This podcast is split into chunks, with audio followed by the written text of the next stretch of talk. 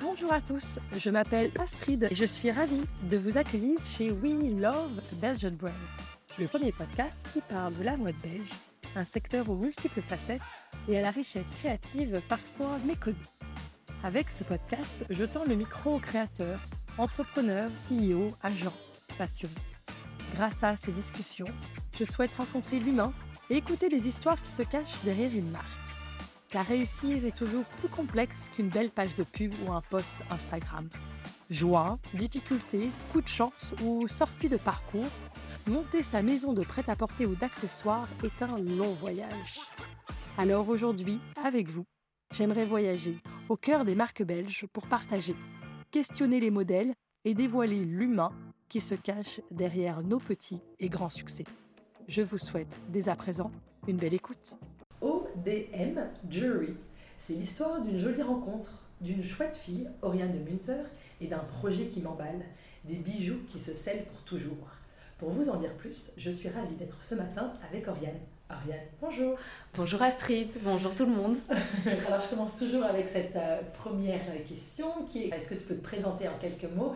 Et c'était quoi le métier que tu rêvais de faire quand tu étais enfant? Euh, bonjour à tous, je m'appelle Oriane, je suis une femme de 37 ans. Euh, ça fait maintenant euh, plus ou moins 4 ans que j'ai lancé un concept de bijoux que je scelle sur les personnes. Et je fais à côté de ça mes propres créations, sur mesure. enfin voilà, j'ai ma, ma, petite marque quoi. Super. Qu'est-ce que je voulais devenir? Ben, C'était, je voulais devenir une majorette. Trop drôle Ouais, avant T'aimais le côté paillettes, danse euh. Euh, En fait, tous les samedis, il y avait... Euh, il y avait J'habitais chez mes parents et il y avait un cortège qui descendait la rue avec des géants. tous les samedis Ouais, tous les samedis. Incroyable et j'étais, La fanfare, en la, fait Ouais, la fanfare. Et en fait, euh, des majorettes. il y avait des majorettes. Avec leur petite jupette et tout. Santiago blanche. Euh. Ah vraiment Ouais, ouais, ouais. Où habitais-tu? Mais à Saint-Gilles. Ah, qui était. C'est connu. Saint-Gilles. Ouais, ouais, ouais. Mais qui était euh, assez populaire avant. Maintenant, ça a un petit peu, ça a un petit peu changé. Et, et, donc, du coup, au coin de la rue de chez mes parents, il y avait un vieux café dans son jus. Enfin, vraiment. Et tous les samedis matins, il y avait un, une fanfare que tu dis qui descendait la rue avec des majorettes. Et ces filles-là, elles te faisaient rêver. Rêver le, le, lancer de bâton, euh, les paillettes, le côté très blanc. On ne voyait qu'elle en fait. Et j'étais euh, fascinée par ça quoi. Incroyable. Ouais, ouais, vraiment. Et alors que s'est-il passé entre ce rêve de, de majorette et euh, la création de ta marque, est-ce que tu peux nous en dire un peu plus sur ton parcours? Oui, tout à fait. Ben, j'ai eu un parcours quand même assez classique au départ, donc école, école classique. Mais j'ai toujours toujours aimé euh, dessiner. Il y avait un côté créatif qui, était en moi. D'ailleurs, mon, cours préféré euh, en humanité, c'était euh, le cours de dessin. Au, point tel que mes parents m'ont inscrit dans un, dans un cours de dessin aux beaux-arts. Cool. Donc ils t'ont accompagné sur cette passion. Voilà, ils m'ont accompagné sur cette passion. Donc tous les mercredis, j'allais euh, j'allais au, cours de dessin aux Beaux-Arts. Génial. donc euh, je faisais la terre glaise, je faisais du fusain, enfin il y avait un peu, vraiment un peu de tout. Et donc euh, ça, ça a vraiment développé mon côté créatif. sortie d'humanité, là d'ailleurs j'étais un petit peu en colère contre l'enseignement parce que en fait je me souviens, je me souviens être à mon examen de maths mon oral de maths, en, donc en réto, en dernière année. Et, euh, et qu'elle me dit euh, Tiens, Oriane, et toi, qu'est-ce que donc euh, tu t'es inscrit en quoi? Tu veux faire quoi? Et là, mes douches froides, je me rends compte qu'en fait, ça va pas être juste les vacances, qu'en fait, la, vie, elle commence là maintenant et que je dois choisir quelque chose. Et j'étais incapable à ce moment-là de me dire ce que, ce que, je voulais faire. Je devais, là, maintenant, choisir quelque chose qui allait déterminer le, reste de ma vie. Moi, je ne sais pas. je sais pas faire ça. Et cette colère, c'était ça, ce, manque d'accompagnement. Mais complètement. Par rapport à cette décision qui te semblait à l'époque. Euh, mais complètement. Pas une seule fois, on a été à la rencontre, ah je sais pas, moi, euh, de pompiers, d'infirmières. Ah ouais, c'est vrai. Enfin, je sais pas, de peintres. Euh, je, trouve que c'est il y, a un, manque énorme là-dedans, quoi. On nous apprend des maths, mais est-ce que nous on, enfin, on devrait nous apprendre plus la vie, quoi? Ouais, et on ne nous projette pas dans des métiers, c'est surtout ça. On nous apprend des matières. Oui, voilà, qui sont complètement euh, voilà, aseptisés du reste, et en fait, ça n'a pas de sens, quoi. Et là, j'ai vraiment eu un choc et une colère en moi, quoi. Et du coup, qu'est-ce que tu as fait après? Mais là, en fait, je me suis dit, bon, qu'est-ce que j'aime le plus au monde? C'est de dessiner. Et j'aimais bien faire à ce moment-là une espèce de petit logo. Et donc, évidemment, un peu de manière un petit peu euh, immature, je me suis dit, logo, graphisme. Et donc, je me suis inscrite euh, à l'examen d'entrée de de la Cambre. Ok, génial. Euh, bon, déjà, j'applaudis que tu sois partie de qu'est-ce qui me fait kiffer. Oui, c'est vrai. Qu'est-ce qui me plaît, tu vois, c'est déjà un ouais, bon départ. Ouais, c'est vrai. Et euh, donc, ok, graphisme. Graphisme, donc voilà, examen d'entrée. Bon, on était, on était une soixantaine. Ils avaient tous entre 21 et 26 ans. Moi, j'avais 18 ans et j'avais juste mes cours du mercredi, tu vois, de dessin. Donc, franchement, voilà. Et donc, évidemment, j'ai pas été prise. Ah, ok. Hmm. Euh, le problème, c'est que quand tu sors d'un examen d'entrée à cette époque-là, tu n'as pas, il euh, n'y a pas d'autres écoles artistiques ou créatives qui ont encore la possibilité de t'accueillir. C'est-à-dire que tous les examens d'entrée sont finis, donc tu te retrouves là et quoi? Et donc en fait, il reste plus que, ben là à ce moment-là, c'était l'UNIF, l'ULB, et donc j'ai fait histoire de l'art. Ok, make sense. Voilà, parce que j'ai été recalée principalement pour ma culture générale artistique parce que les profs m'étaient dit bah sinon bah voilà euh, t'as un chouette euh, as une chouette patte euh, mais c'est vrai qu'il y a un gros manquement c'est que ok donc va étudier l'histoire de l'art et reviens voilà. Dans quelques années ou même l'année prochaine retente le truc quoi. plus jeune. Je commence l'histoire de l'art et là, je, je m'y retrouve pas. Je m'y retrouve pas. Je, je, je, trouve ça chouette. C'est très théorique. Euh, il y a de la philo, ça m'intéresse pas tellement. Enfin voilà, bref. Et je suis encore fort immature, donc je fais bah beaucoup la guindaille. Enfin, tu te retrouves dans le dans le milieu du, de l'unif, donc tu guindailles plus qu'autre chose, tu vas un peu à tes cours, mais voilà, ouais, t'es pas motivé, t'as tes premiers amours, enfin voilà, t'es, es un peu ailleurs quoi. Et puis un peu en milieu d'année, je me dis, mais en fait, là, je ressens que je suis plus alignée, que je fais, je fais vraiment que, que du bullshit. Et je me dis, ben, en fait, moi, au lieu de perdre mon temps ici, je veux partir apprendre une langue. Trop bien. Et donc, je vais, je vais chez mon père. je dis, papa, en fait, je vais arrêter l'histoire de l'art et je veux partir au Canada apprendre l'anglais. Trop bien. Et là, il me fait. Très... Ben, j'ai été hyper étonnée, mais j'ai trouvé ça génial qu'il me soutienne. Il me dit Ok, tu travailles pour payer ton billet d'avion et, le reste, euh, je financerai là-bas. Ok, cool. Et donc, effectivement. Et donc, tu es partie au Canada Je suis partie au Canada pendant seulement six mois. Ok, bah, à Toronto. Euh, bon, le problème aussi, c'est que tu te retrouves dans une école où il y a beaucoup d'étrangers, dont, dont, en fait, parce que c'est une école de langue, dont des, des francophones. donc, en fait, tu matches avec les. Ah Mais c'était une super expérience. Et donc, tu as quand même euh, boosté ton anglais. ça m'a boosté, mon, ça m'a boosté mon Et anglais. Tu quoi là-bas? T'étais dans une école de langue J'étais dans une école, euh, dans une école pour apprendre l'anglais. Et à côté de ça, ben, je voyageais, donc j'allais à Vancouver, j'allais à Toronto. Enfin, voilà, j'ai vraiment, j'ai vraiment Ottawa, enfin Montréal, enfin j'ai parcouru le, Canada euh, tout, en, tout en ayant mes cours, et donc ça c'était vraiment chouette. Euh, et je suis revenue de là en ne sachant toujours pas ce que je voulais bah faire. Mais par contre, une, une, certitude, c'est que j'adorais communiquer avec les gens. Et que y a, je sentais un pouvoir euh, de richesse, d'échange, de partage incroyable. Et donc, je me suis inscrite à l'IEX. Parce que bah, quand j'avais été aux portes ouvertes, euh, j'aimais bien l'énergie qu'il y avait. Et je me suis dit, bah, école de com, quoi. Je vais pas me tromper, école de com. Enfin, voilà. Et donc, j'ai fait, euh, j'ai fait l'IEX. Ok, cool. Euh, et quand je suis sortie de l'IEX après mes 5 ans, je ne savais toujours pas ce que je voulais faire. mais ce que je savais aussi, c'est que j'avais un gros manquement en néerlandais. Et donc là, euh, je me suis dit, ok, il faut que, euh, que j'aille euh, un petit peu apprendre cette langue. Mieux, en tout cas, j'avais fait mes maternelles en néerlandais, mais mes parents m'avaient changé parce que je commençais à bégayer et j'avais des problèmes en français. Donc ils ont préféré me remettre en, en français. Mais j'avais donc, j'ai quelque chose, j'ai des souvenirs et voilà, je savais qu'il y avait quelque chose. Et puis je me suis dit, je vais faire public relations à Anvers. Trop bien. Et alors, un truc de fou, c'est que j'avais mon appart tout, tout près du Diamond District. Et donc tous les jours, je passais à travers ce Diamond District et ça va faire sens. Ouais, après. Aujourd'hui. Mais c'est vrai que moi, je regardais les vitrines, je, me demandais, c'était un monde un peu particulier, fermé. Je me demandais qu'est-ce qu'il y avait derrière euh, tout ça. Enfin, c'était assez. Euh, ouais, ouais, ouais, mystérieux. C'était assez mystérieux. Donc là, c'était quelque part, euh, quelque part là. Euh, j'ai fait euh, trois mois euh, là et en fait on m'a appelé, je me souviens un, jour de décembre, une copine, une copine qui était avec moi à l'IEX qui me dit voilà Ori, je sais, je t'appelle, je sais que voilà, tu es à Anvers, mais on sait jamais. Est-ce que ça te dirait de venir travailler sur, sur un tournage On cherche des gens. Ah. Et là, je fais ah oui, dis-moi en plus. Me dit voilà, c'est sur l'Argo Winch et, et, on part à Charleroi. Et, Trop drôle Et ce serait que des cascades et tout. Et je fais what, ok.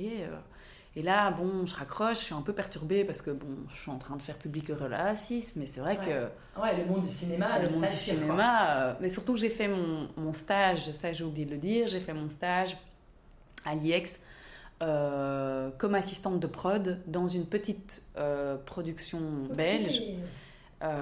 Et ça t'avait plu? Et ça m'avait vachement plu, mais j'avais malheureusement, j'étais tombée, c'était trois mois de stage mais c'était tombé au moment où il n'y avait pas de tournage. Ah oui, d'accord. Donc j'avais eu euh, des, des, des postes synchro, donc plutôt au niveau du son et tout ça. il y avait deux, trois fois où j'avais été à Paris euh, pour rencontrer des acteurs ou pour, euh, enfin voilà, pour, pour, pour les... Mais c'était, c'était, rien de, c'était rien de concret et les tournages n'avaient pas réussi à... Ouais, ok. À, voilà. Mais c'était ça au départ qui m'attirait. Et donc là, je me dis... Bah oui. Bah en fait, oui. Super. Et je vais voir donc le, le, mec euh, à qui je loue mon appart, il me dit bah non mais fonce, vas-y, enfin tout se met ouais. méga bien. Génial. Et je crois en une semaine de temps, je me retrouve à Charleroi avec Thomas Sisley, Sharon Stone, des, euh, des, grands producteurs, euh, et une, un, plateau de tournage, on est 150. Et j'assiste à des, en fait, à toute la partie, à toute la partie cascade du film. Donc c'est des courses poursuites en voiture, mais ça a été pour moi une expérience de dingue, vraiment. Évidemment. J'ai vu Charlotte oui, oui, je me suis occupée de sa loge, j'ai parlé avec. enfin voilà, trop bien. Ouais, non, c'est énorme. Enfin voilà. Et évidemment, bah, duo, euh, duo à ce moment-là de mes, euh, je sais pas moi, de mes 23-24 ans, bah, tout à les paillettes du Cinoche, quoi. enfin voilà. Évidemment. Et là s'enchaînent des, des, des, tas d'expériences de, de tournage. Ok. Euh, donc pendant 2-3 ans, euh, je suis sur des tournages. Et euh, à un moment donné, ben, je, je tombe enceinte. Ah, ah. Voilà. et ce qui est assez fou, c'est assez déterminant ce jour-là. Donc, comme quoi, le, le, chemin de vie, l'univers, enfin voilà, c'est assez incroyable parce que le jour où j'apprends que je suis enceinte, je dois faire un choix. C'est-à-dire que on, donc, j'apprends que je suis enceinte. Quelques heures après, j'ai un appel du Luxembourg d'un des plus grands euh, accessoiristes euh, d'Europe, qui s'appelle Manu Poupard, et qui me propose un stage rémunéré sur une série au Luxembourg, une, coproduction euh, franco-luxembourgeoise. donc vraiment le truc à pas louper. Mais le problème, c'est que enceinte, tu peux ni manipuler de colle, ni peinture, ah, les, les, les, horaires aussi. Enfin, c'est, enfin voilà, les tournages, tu commences à 3-4 heures du matin, tu termines à 11 heures du soir, enfin, tu changes de décor trois fois par jour, euh, tu dois porter des choses hyper lourdes, enfin voilà. Donc euh, là, je, bah, je décide de garder, euh, de garder Marco hein, et, et, de, et, de, et de, voilà, de, de ne pas, de ne pas aller vers, ce, ce, travail-là. parce que mon rêve sur les tournages, petit à petit, c'était de devenir accessoiriste. Donc c'est la seule, la seule personne de la, de la, du département décoration à être sur le plateau, donc euh, voilà, et, entre en, et en, être en lien direct avec, euh, avec le scénario. Donc si euh, il y a une petite, il y a une scène de petit déjeuner, ben, c'est moi qui vais émietter le, le croissant, qui vais disposer. Oui, rigolo, Donc voilà, moi j'aimais bien ce, ce, ce lien là. et donc je me retrouve enceinte, écartée des tournages, et là je me dis bah je vais essayer de trouver une école d'accessoires, de quelque chose comme ça, quoi. Ah et donc, je fais mes recherches et je tombe sur euh, école de la parure et de l'accessoire euh, à Bruxelles, aux Arts ah. et en fait, c'est la bijouterie. Ah. C'est comme ça que se prénomme le, enfin, que se nomme l'école, le, école de la parure. Mais en fait, c'est la bijouterie. Et donc, euh, je vais à l'examen d'entrée. Enfin, voilà, on a un petit, des petits tests, voilà, que que je réussis et, euh, et voilà et commence mon, mon histoire quoi ok super et donc euh, et donc là je ben, je commence la bijouterie et j'accroche quoi. Ouais et j'accroche ouais j'accroche. Mais donc je me retrouve en fait à euh, continuer à travailler sur des tournages à allaiter Marco à, à aller en cours du soir aux arts et métiers. Et donc voilà, ça devient compliqué. Bah et oui. donc je, je décide de plus en plus à travailler sur les tournages de, ma- de manière euh, Épisodique, quoi. voilà, c'est ça. bien Souvent, ce qu'on euh, appelle en renfort. en renfort, Donc tu vas faire un ou deux jours, mais tu vas jamais faire euh, les, euh, les, les, les dix semaines de tournage. Quoi, Ouais, ouais. Mais est-ce qu'il y a du sens avec ta vie de maman Voilà. Et à ce moment-là, ben, ça me permet de, de commencer un peu à, à, à chipoter euh, et à créer. Ça, enfin, voilà. Donc du coup, j'ai du temps. J'ai ben, j'ai Marco aussi qui me prend quand même Bah pas oui. mal de temps. Et, euh, et, euh, et j'ai ces renforts dans le tournage qui, qui me permettent quand même d'avoir un peu de sous. Donc voilà. Mais il y a un moment où tu lances quand même. Oui, et puis à un euh, moment donné, en fait, où, où, je- où ça n'a plus de sens pour moi d'être sur des tournages. Ok, J'ai plus envie d'être là ok. parce que je, me, je culpabilise par rapport aux enfants. Enfin voilà, parce que enfin, ça La devient, mère, ouais. ouais, ouais, ça devient compliqué. Et donc, euh, et donc clairement, la bijouterie devient, devient euh, Ouais. ce, que, ce pourquoi je me lève le matin. Super. Et en fait, c'est grâce aux rencontres que je fais euh, que, que, en fait tout va, tout va couler naturellement quoi. Ouais, c'est cool. Euh, je rencontre très vite euh, la créatrice Vanessa Hartz qui m'ouvre son atelier et en fait je me rends compte à ses côtés que c'est pas les cours dont j'ai vraiment Ouais. besoin, que c'est en fait c'est c'est expérimenter, c'est travailler encore et encore Ouais, et c'est comme ça en fait que C'est en faisant. c'est en faisant, c'est créant que tu que tu apprends en fait. Aujourd'hui, ta marque, tu la définirais en. en- Enfin, l'identité de ta marque en trois mots, tu dirais quoi? Alors euh, sens, Ouais, lien ouais, euh, et symbolique. cool. Du coup, ça me permet de rebondir euh, immédiatement sur justement le projet Ouais, qui est, je pense, central aussi dans ton activité aujourd'hui, le projet Embrace. ouais, tout à Est-ce fait. que tu peux nous en dire plus? Ben, Embrace, donc j'ai lancé ce concept maintenant il y a 3-4 ans. Euh, j'avais eu déjà l'idée quand, euh, quand j'avais lancé, enfin quand j'avais commencé la bijouterie. Euh, J'aimais pas que tous mes fermoirs, j'a- j'adore les, j'adore les, les bijoux qui sont assez épurés. Et donc tous mes colliers, Ouais. le fermoir, le fermoir venait devant et, et en fait volait un peu la vedette du pendentif. Mhm.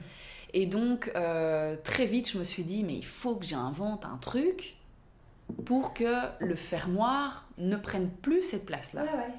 Donc, j'ai commencé à chipoter, à trouver des fermoirs, je sais pas si tu vois, en, en cylindre, qui s'emboîtent l'un l'un dans l'autre, qui font un peu la continuité des chaînes, mais alors ça se défaisait, enfin voilà. Et puis, à un moment donné, je me suis dit, mais en fait, ce serait bien de, de souder, euh, de souder la chaîne Ouais. sur la personne, Ouais. quoi. Et là, j'ai commencé à faire des recherches, et là, j'ai vu, malheureusement, que je n'avais rien inventé, que euh, ça existait déjà euh, aux États-Unis, euh, à New York. Et, euh, et donc là, c'est resté dans un coin de ma tête. Et Ouais. puis, au moment, euh, juste avant le Covid, je vois que deux Italiennes lancent, lancent ça en Italie, et je me suis dit, mais maintenant, super. il faut, il faut que j'y aille, quoi. Ouais. Euh, et donc en lançant ça, je me, je me rendais pas compte à quel point en fait euh, j'allais recevoir euh, autant d'histoires d'amour. Vas-y, ouais, raconte-nous Ouais, c'est ouais, euh, vraiment, on vient, on vient célébrer. Donc déjà c'est une expérience. Ouais.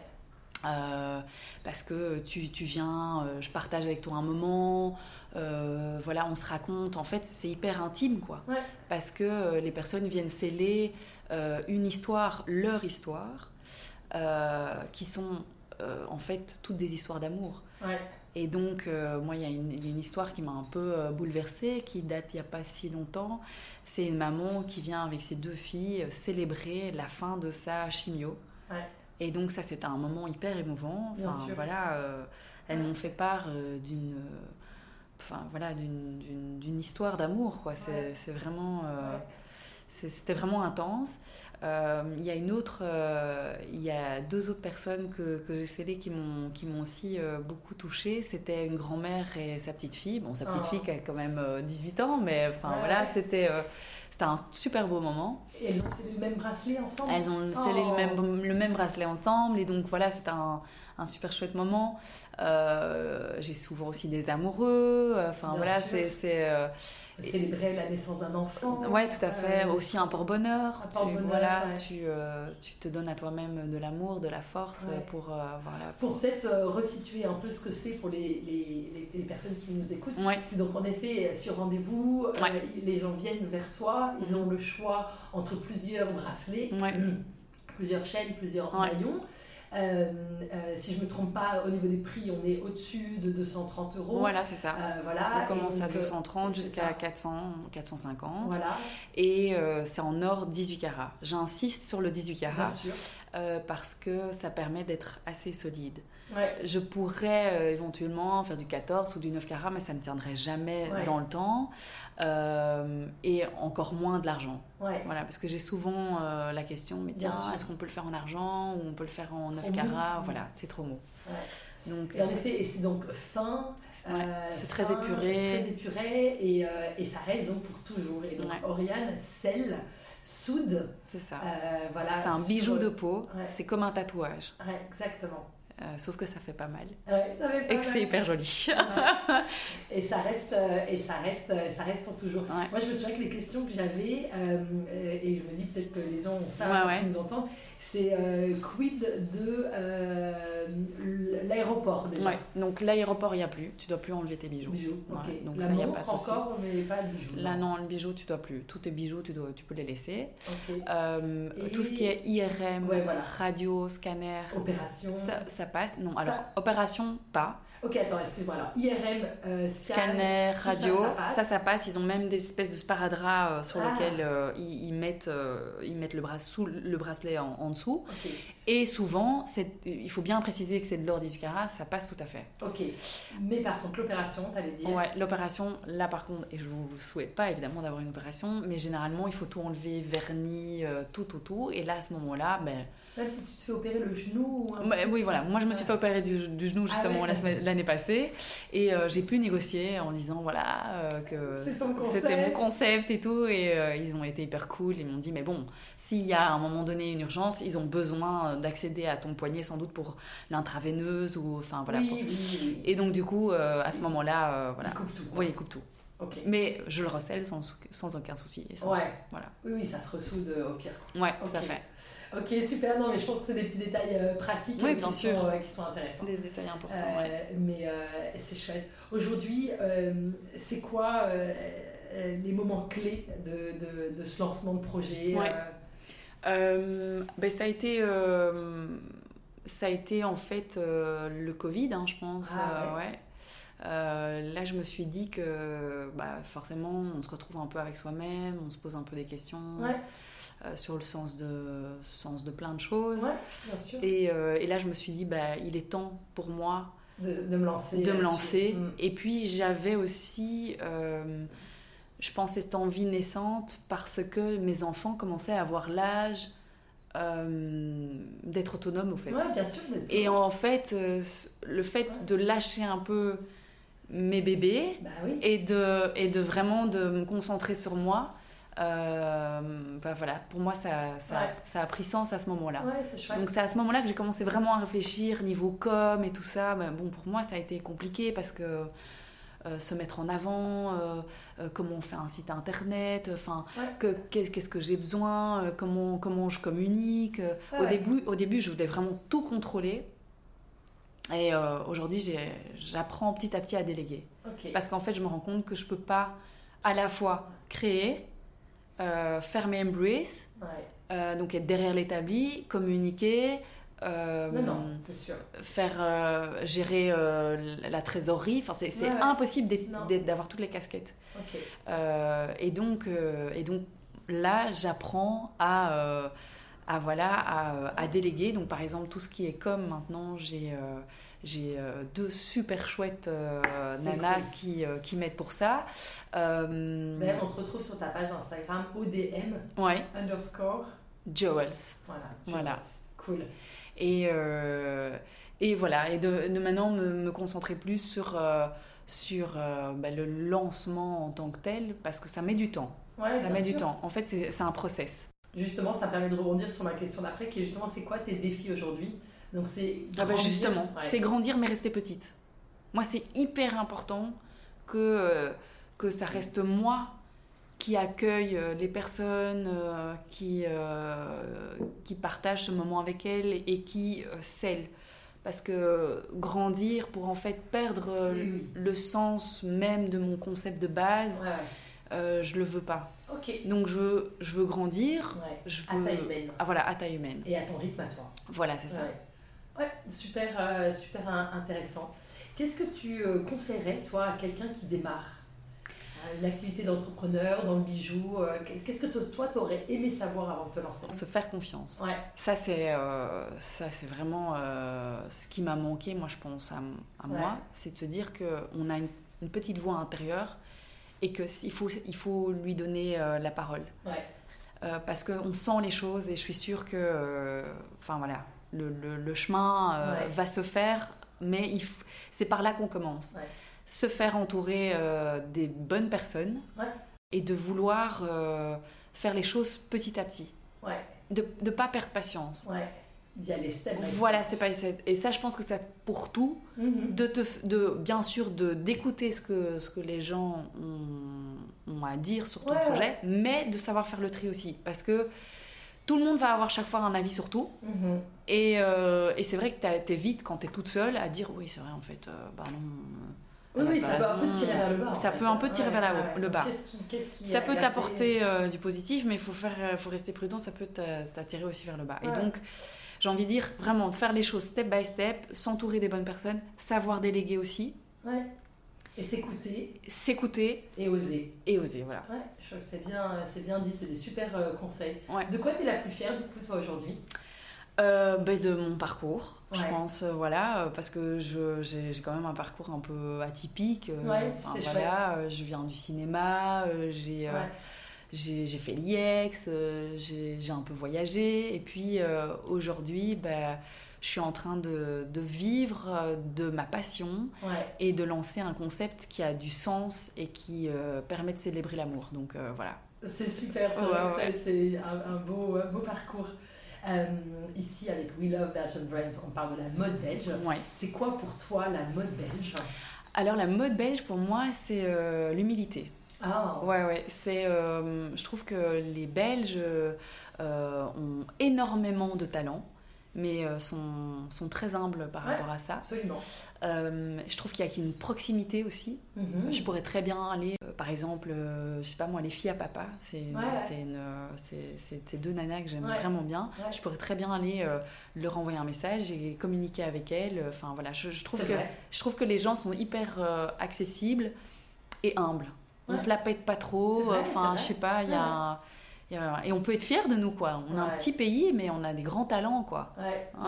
et je trouve qu'on a une belle âme aussi, quoi. Souvent, d'ailleurs, quand on voyage, euh, au-delà de, des créateurs et des, et des, des marques belges, euh, je trouve que humainement parlant, quand on voyage, souvent c'est ah mais vous êtes belge, mais vous êtes géniaux, on, a, vous adore, on a, je trouve qu'on a une chouette vibe quoi. c'est vraiment, on est apprécié et, euh, et euh, ouais, je, je, trouve que je trouve qu'on peut vraiment être fier de nous quoi.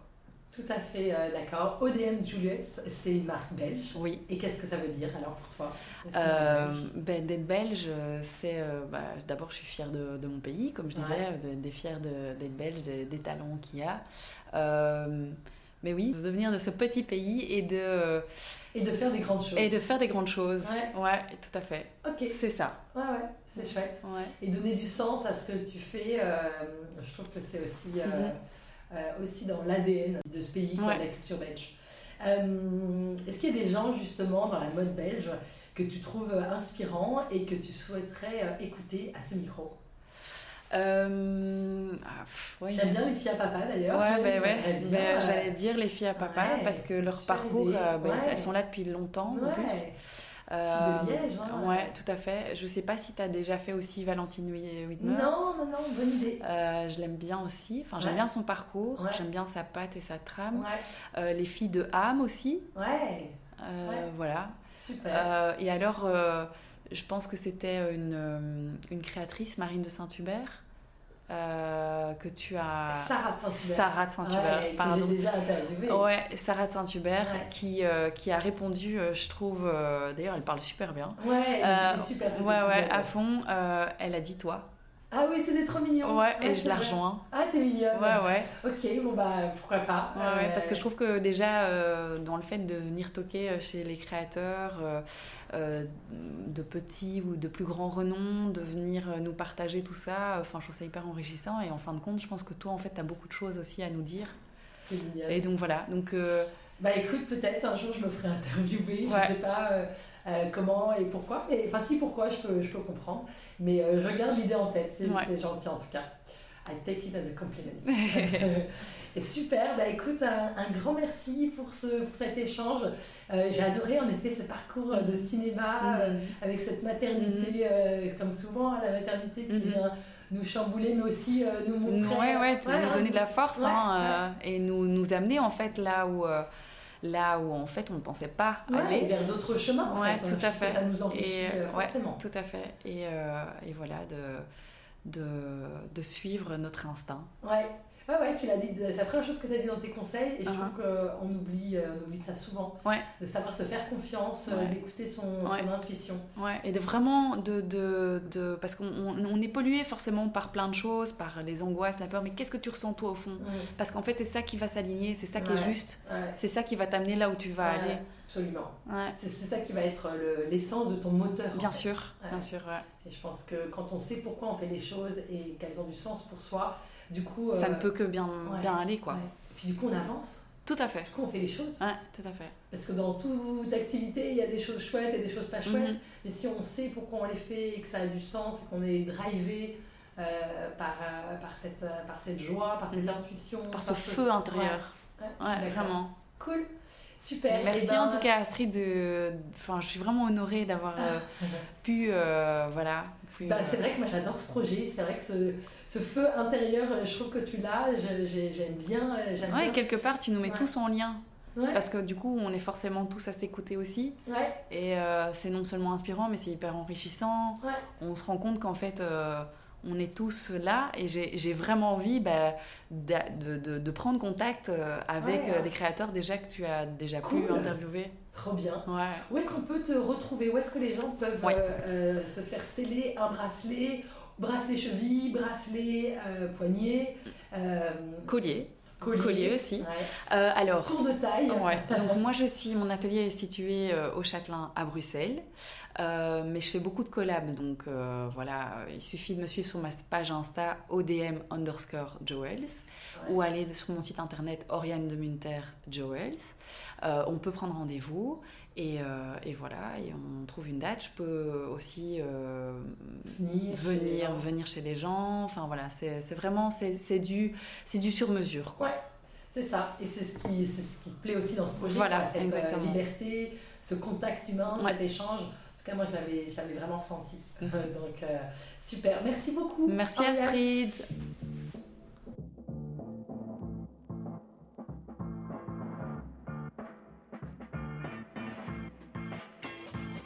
Merci beaucoup d'avoir écouté cet épisode jusqu'au bout. J'espère qu'il vous a plu.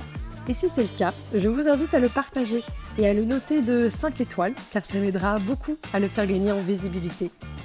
Si vous avez des personnes à me proposer, des projets à mettre en lumière, des questions à poser, n'hésitez pas à me retrouver sur ma page Instagram, oui, underscore, love, underscore, Belgian, underscore, runs. Et je vous dis à dans 15 jours pour un prochain épisode.